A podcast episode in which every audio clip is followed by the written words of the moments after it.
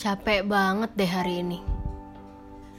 Kerjaan numpuk, deadline tinggal hari besok. Belum lagi request-request yang harusnya udah disetujuin. Tapi belum di-approve juga.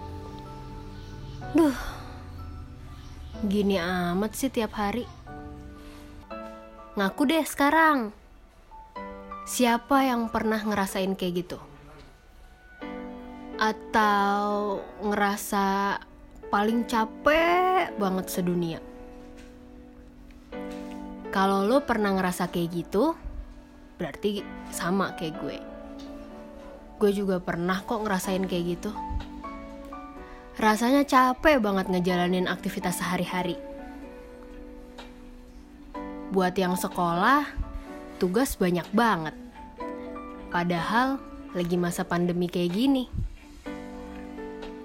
yang lagi kuliah harus tetap nyelesain tugas-tugas, UAS, UTS, deadline skripsi, deadline revisi. Uh.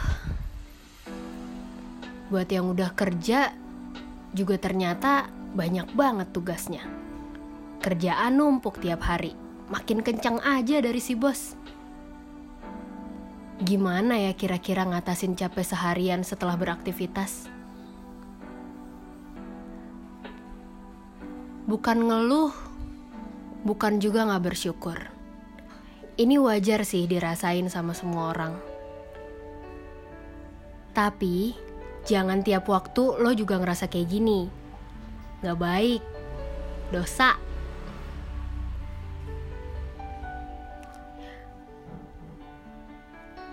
Setiap orang berhak ngerasain lelah. Letih, lesu, lunglai. Udah kayak iklan kan tuh. Gue juga kayak gitu. Ngerasa mumet sama keseharian yang monoton. Tapi itu dulu, beda sekarang. Gue sama kayak kalian. Pernah ada di titik badan dan pikiran sampai hati rasanya super duper capek banget Ya gimana ya, mau nggak dirasain ya kerasa. Dan parahnya, gue nggak ada tempat untuk menampung itu semua.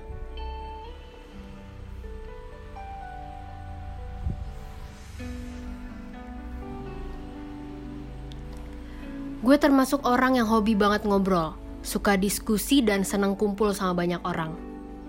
Tapi itu semua gak cukup buat ngerubah pribadi gue yang lumayan susah cerita ke orang lain untuk beberapa hal tertentu.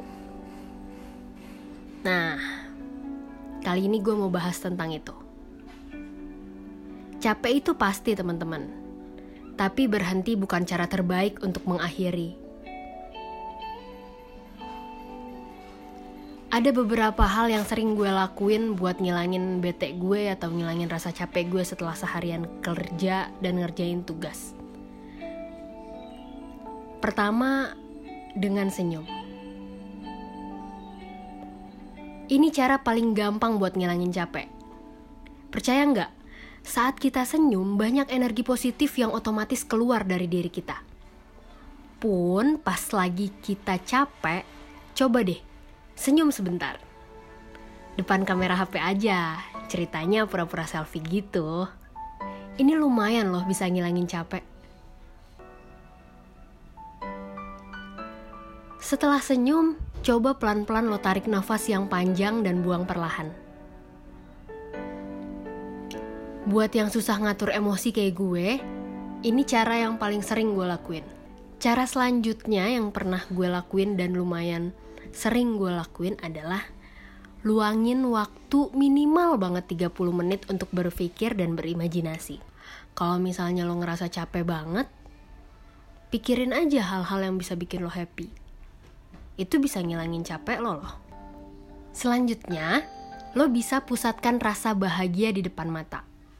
Wih, berat banget kalimatnya.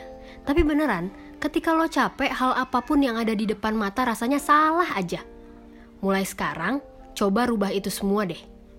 Anggap aja apa yang ada di depan mata lo itu adalah sebuah rezeki yang lo punya. Dan hanya lo yang punya itu semua.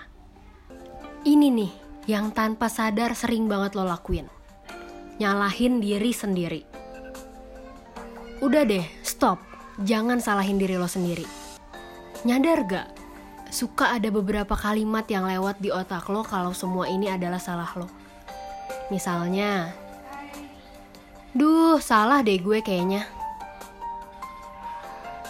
Semakin lo menyalahkan diri sendiri, semakin lelah otak dan hati lo saat itu. Jadi, mendingan lo cari tahu apa yang ngebuat lo capek. Kalau rasa capek itu datangnya dari tugas dan kerjaan, coba deh buat diselesain. Lo bisa kok buat pelan-pelan selesain itu semua, walaupun dalam kondisi capek. Gimana caranya ya tapi? Mulai dari 5 menit pertama lo kerjain hal itu. Bertahap tapi konsisten. Kunci terakhir buat ngilangin rasa capek. Percaya deh, keringet lo hari ini adalah bibit rezeki lo beberapa waktu lagi. Semoga capek ini jadi ladang pahala untuk kita semua ya. Istirahat sebentar.